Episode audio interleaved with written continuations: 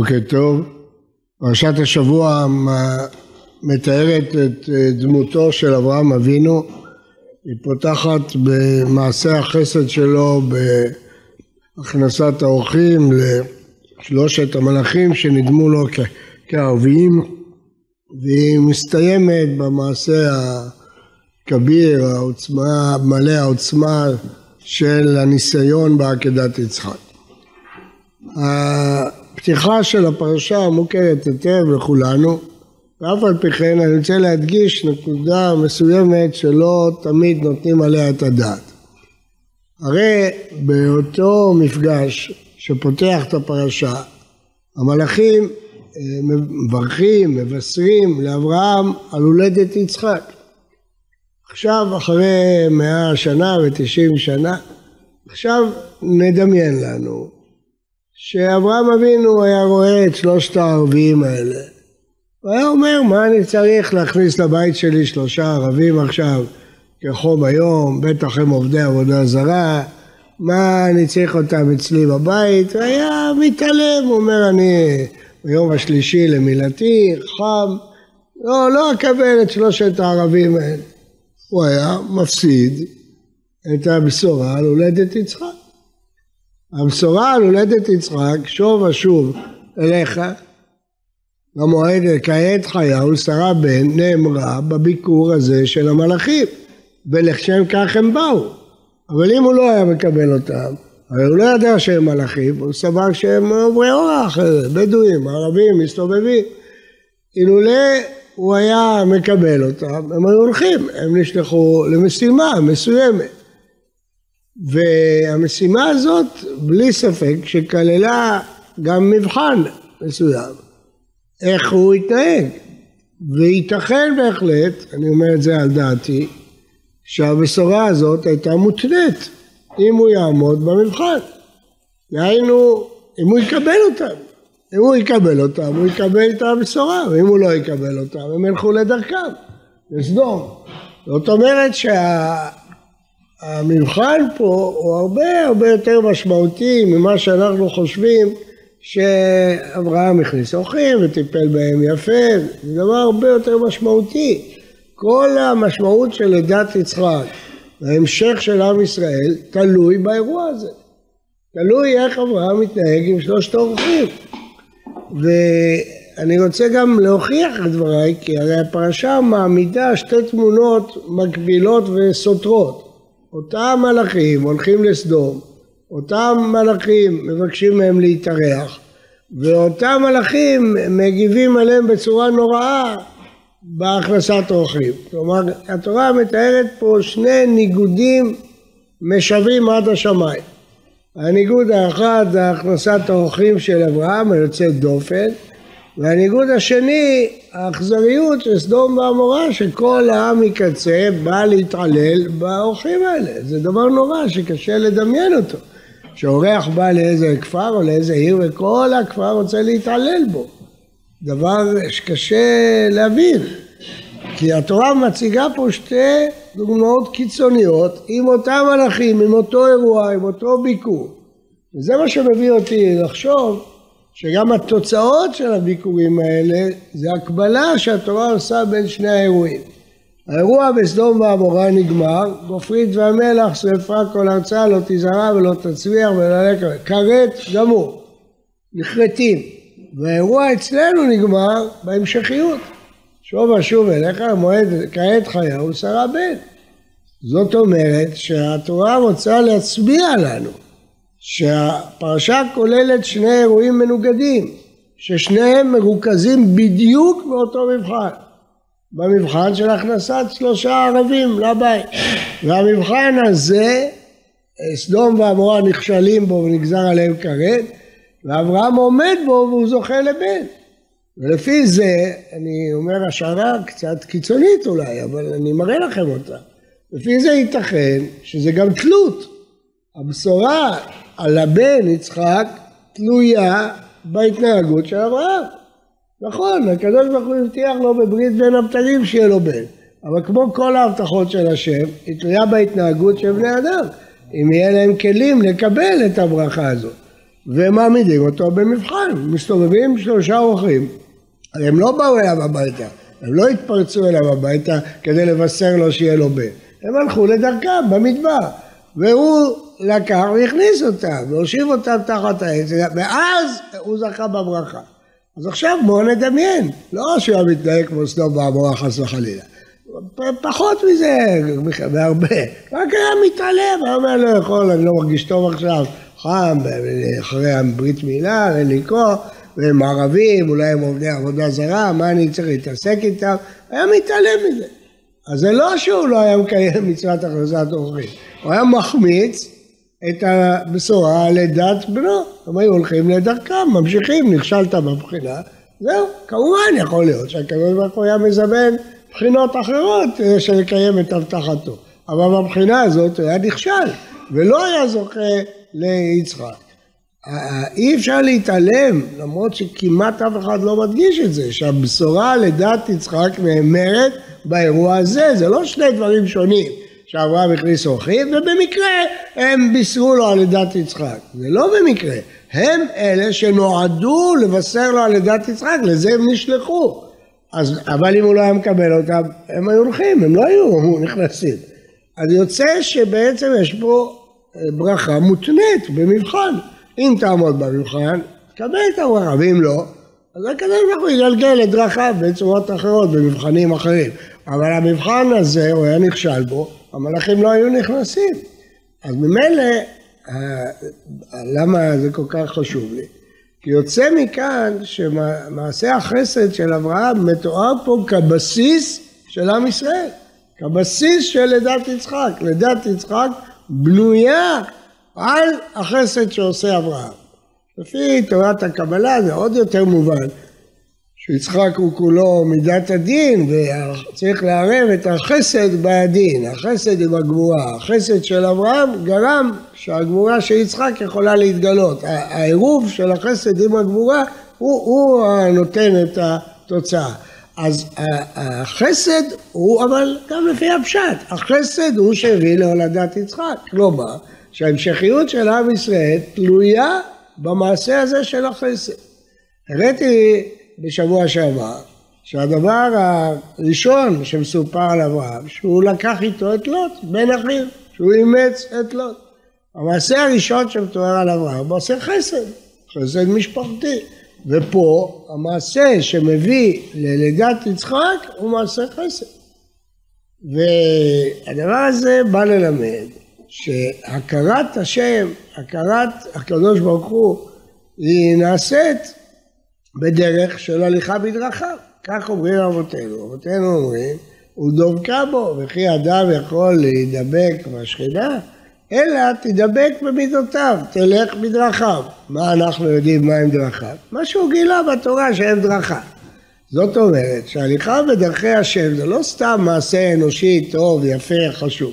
זה דבקות בהשם.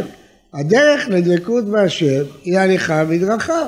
הרב קוק כותב באורות התורה, פרק ח', שאם אדם מדמיין שהוא רוצה להגיע למטרה של דבקות בהשם, בלי ללכת בדרך שהתורה הציעה, הוא יגלה שיש לו רק דמיונות. כיוון שהתורה לא הציעה רק מטרה, היא הציעה דרך איך מגיעים למטרה, ואי אפשר לעקוף את הדרך. והדרך להגיע לדבקות בהשם, חכמים גילו לנו את הפסוק, שהיא הליכה בדרכיו. אז אי אפשר לוותר על זה, אי אפשר לעקוף את זה. זה מידות החסד זה לא מידות בעלמא של אה, אנושיות טובה. זה הליכה, זה נכון, זה אנושיות טובה כדי ללכת בדרכי השם. ההליכה בדרכי השם היא מביאה את הדבקות בהשם, והתורה מראה לנו שזה היסוד של עם ישראל. עם ישראל נבנה על ידי לידת יצחק, שנבנה על ידי הכנסת אורחים. הכנסת אורחים היא שהביאה ללידת יצחק. ואם תרצו תמשיכו את החשבון, להפך אצל סדום ועמורה, שהכישלון החמור שלהם במבחן הביא לכרת. זהו, סדום ומלח גופרית כל ארצה, לא תזרע לא תצליח, כלומר כל העסק. החסד מוליד חיים והחסד כורת, האכזריות כורתת חיים.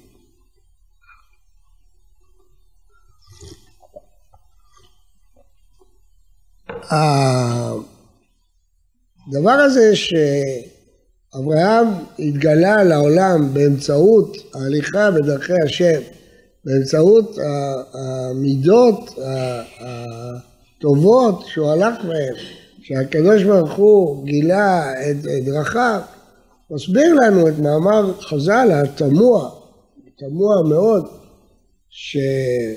שכשכתוב בפסוק, אל נא תעבור מעל עבדיך, אדוני, אל נא תעבור מעל עבדיך, זה פירוש של הפשט שהוא פונה לאדון, לאדון של שלושת הערבים האלה. אדוני, אדוני, אל תעבור מעל עבדיך, תיכנסו. אבל חכמים דרשו את זה בלשון קודש, השם, אל תעבור מעל עבדיך.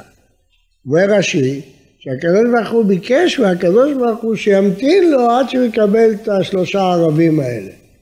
זה נראה לנו דבר אה, מוזר, דבר תמוה. נתאר לנו אדם שעומד ביום הכיפורים להיכנס לבית קודשי הקודשים, לעמוד לפני השם, והנה באים שלושה ערבים ש, שעובדי עבודה זרה, שהוא צריך לקבל אותם אצלו בבית.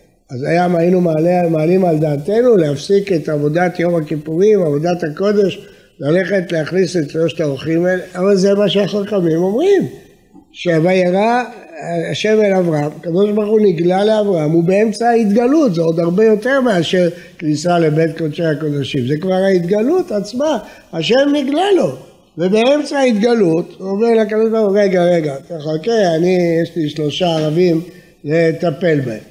זה נשמע לנו מאוד מאוד תמוה, מאוד מאוד מוזר. איך יכול להיות שמעשה כזה, כמה שהוא חשוב בתורה, איך הוא יהיה יותר גדול מגילוי שכינה? אבל מכאן למדו חכמים שגדולה הכנסת אורחים מקבלת פני שכינה. אז זה מובן מאיפה חכמים דרשו את זה, מאברהם. אבל מאיפה אברהם ידע את זה? מאיפה אברהם ידע ש... שאפשר לעזוב את גילוי הנבואה וללכת להכניס אורחים? מאיפה הוא, הוא ידע את הדבר הזה? התשובה היא, כי למה השם נגלה אליו? כדי לבקר את החולה, אומר רש"י. כל הגילוי הזה בא, הוא לא אמר לו כלום. כל גילוי נבואי כולל נבואה, ופה אין כלום. עליו השם, זהו, אין כלום. על מה הוא בא? אומר רש"י, לבקר את החולה. הוא היה יום שלישי למילתו, הוא בא לבקר אותו. אז אומר אברהם, כל הגילוי הזה נועד ללמד אותי מה זה ביקור חולה. אז הוא מבין שכל ההתגלות של השם היא ההליכה בדרכיו. אז אם ההליכה בדרכי השם היא הדבקות מהשם, אז זה לא פלא שגדולה הכנסת אורחים מקבלת פני שכינה. כי הכנסת אורחים או ביקור חולים זה דרכי השם, ובדרכי השם אתה מגלה את השכינה. זה לא שאני אומר איזה צעד אנושי, הומני, חשוב, דוחה את קבלת פני שכינה. אני אומר הרבה, ההומניות הזאת היא קבלת פני שכינה, היא הליכה בדרכי השם.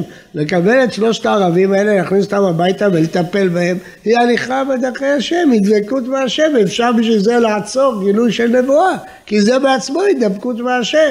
זה מה שאברהם למד, אברהם למד, הקדוש ברוך הוא נראה אליי, בשביל מה? רק כדי לבקר את החולה. מה פירוש? הוא רצה ללמד אותי מה זה מצוות ביקור חולים. שביקור חולים מקבילה לקבלת פני שכינה. מזה אברהם אבינו למד שמצוות החסד יכולה לגרום, אני בטוח שאף אחד מאיתנו לא היה אפילו מעלה את זה על דעתו. להגיד, קדוש ברוך הוא תחכה רגע, יש לי פה איזה שלושה בדואים, אני צריך לטפל בהם, תחכה. מי היינו רואים את זה כחוצפה כלפי שמיא? איך אדם יכול לעשות דבר כזה? וגם כלא הגיוני. לעזוב גילוי שכינה בשביל להכניס שלושה ערבים מחלפים לבית. איך זה יעלה על הדעת? אלא אם כן, מה שאמרנו קודם, שההליכה בדרכי השם היא שהביאה ללידת יצחק. כי ההליכה בדרכי השם זה היסוד של האמונה שלנו, זה היסוד של הדבקות בהשם. והשם השם אל רחום וחנון, הוא גילה לנו מה המידות שלנו, ככה אומרים חכמים, מה הוא גומר חסדים, אף אתה גומר חסדים, מה הוא מבקר חולים אותנו, מה הוא מנחם, חכמים לימדו אותנו, איך דבקים בהשם, אז זה לא פלא שאפשר לעצור את הנבואה כדי להכניס שלושה ערבים, אם זה דרכי השם, אז ככה דבקים בהשם, אז אם ככה דבקים בהשם, זה גילוי שכינה, זה לא עצירת גילוי שכינה, זה בעצמו גילוי שכינה, כפי שאמרתי, נראה לי שאברהם למד את זה מזה שהקדוש ברוך הוא בא אליו בלי שום מטרה, רק לבקר את החולה. דהיינו, ללמד אותו מה זה ביקור חולים, ללמד אותו מה המשמעות של דרכי השם. לפי זה יוצא שהאירוע הראשון של הפרשה יש לו חשיבות עצומה לדעת שהתשתית של עבודת השם שלנו היא הליכה בדרכיו, הליכה בדרכי השם, בחסד, ברחמים, זה דרכי השם, זה ההליכה בדרכי השם. הדבר הזה גורם שהאירוע האחרון מועצם עוד יותר ונהיה בעל עוצמה יותר גדולה. כי אם כל הלידה של יצחק נובעת מהליכה בדרכי השם של הכנסת אורחים, של ביקור חולים, של החסד, עכשיו אברהם הצטווה לעקוד את יצחק, להעלות אותו לעולה, שזה האנטיתזה הגמור לכל הדרכים של אברהם אבינו. לשחוט את בנו, גם אם הוא אומר לשחוט אה, בהמה, זה היה נראה נגד אה, אה, דרכו. אבל לשחוט בן אדם ולשחוט את בנו, זה בוודאי נראה לנו בניגוד גמור לכל הדרך שאברהם אבינו הולך בה, נכון? לכן זה ניסיון.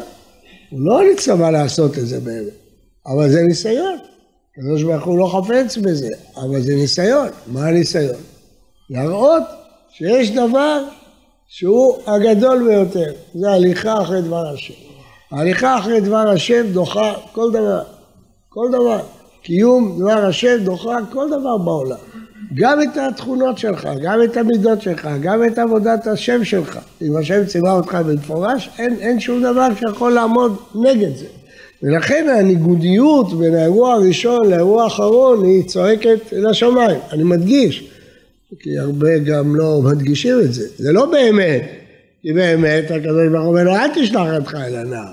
אז זה לא באמת שיש ניגוד, כי סוף סוף זה ניסיון בעלמא, זה לא מה שהקדוש ברוך הוא רצה, הוא לא רצה שהוא ישחט את בנו, הוא רצה ללמד אותו שהוא לא רוצה קורבנות אדם, הוא לא רוצה שישחט את בנו, אבל בשלב של הניסיון יש פה ניגוד גמור לתחילת הפרשה, בתחילת הפרשה יצחק נולד בזכות שאברהם מכניס אורחים שלושה ערבים ובסוף הפרשה הוא מצווה לשחוט את אותו יצחק שנולד כתוצאה ממידת החסד שזה אנטי חסד הכי גדול שהיינו יכולים להעלות על הדעת. וזה הניסיון. הניסיון הוא ששמיעה בדבר השם. כל עוד לא הייתה לנו תורה שקבעה את המצוות, מה כן, מה לא, היינו, היו הולכים אחרי הנבואה. ואם הוא קיבל את הנבואה הזאת, שכפי שהרמב"ם אומר, מכאן מוכח שהנביא משוכנע בנבואה שלו, אין לו שום ספק. אז זה נבואת השם, נבואת השם גוברת על כל דבר, דבר השם גובר על כל דבר. אחרי שניתנה התורה, אז יש לנו כללים, מה מותר ומה אסור, מה באמת דבר השם. אה, הניסיונות האלה לא יכולים להיות כבר. כי אחרי שניתנה התורה, הניסיון אה, לשחוט בן אדם לא קיים. אבל אה, קודם מתן תורה, כשהנבואה הייתה ברורה, חדה, חד משמעית לאברהם, הוא היה צריך לקיים אותה, גם נגד התכונות שלו, גם נגד המידות שלו. אז אם כן, מצד אחד הפרשייה הראשונה מעידה לנו על אה, לידת יצחק שהיא מותנית, ממש מותנית, בהתנהגות אברהם כלפי שלושת הערבים האלה. איך הוא יתנהג איתם? אם הוא יזרוק אותם, אם הוא ישלח אה, אה, אותם, או יקבל אותם. בזה מותנית יצחק, ובזה מותנה העתיד של עם ישראל. אז העתיד של עם ישראל מותנה בזה איך מתנהגים ושלושה ערבים במדבר, בחום, שרואים אותם. האם אה, מזלזלים בהם, האם מגרשים אותם, או מקבלים אותם, מכבדים אותם, עושים את אותה הכנסת אורחים שעשה אברהם אבינו. בזה מותנה, מותנית על ידה של יצחק. אילולא זה המלאכים לא היו מגיעים אליו הביתה, אילולא זה הוא לא היה זוכה לבשורה הגדולה כעת חיה ולשרה ב'. והאמירה הזאת היא כל כך משמעותית מכיוון שהכנסת אורחים היא לא דבר של מה בכך, היא הליכה בדרכי השם. הליכה בדרכי השם היא דבקות בהשם. זה מה שהדרך להגיע להשם, זה מה שהחכמים לימדו אותנו. ולכן יכולים להפסיק את גילוי שכינה כדי להכניס אורחים. כי הכנסת אורחים היא הדבקות בהשם בעצמה. אז אפשר להפסיק את הגילוי שכינה, כי הוא בעצמו עכשיו עוסק בדבקות בהשם. ומזה נולד יצחק, מזה נולד עם ישראל, זה הלידה של עם ישראל. אבל בסוף הפרשה אנחנו לומדים שגם הדבר הזה משועבד לדבר השם. אדם משועבד לקיים את דבר השם. והשעבוד לדבר השם דוחה כל דבר. ברגע שהאדם זוכה לנבואה, והנבואה אמיתית אה, וברורה, אין לו, אין לו מה לפקפק, אין לו מה להסס כפי שאותו אברהם אבינו עמד בניסיון.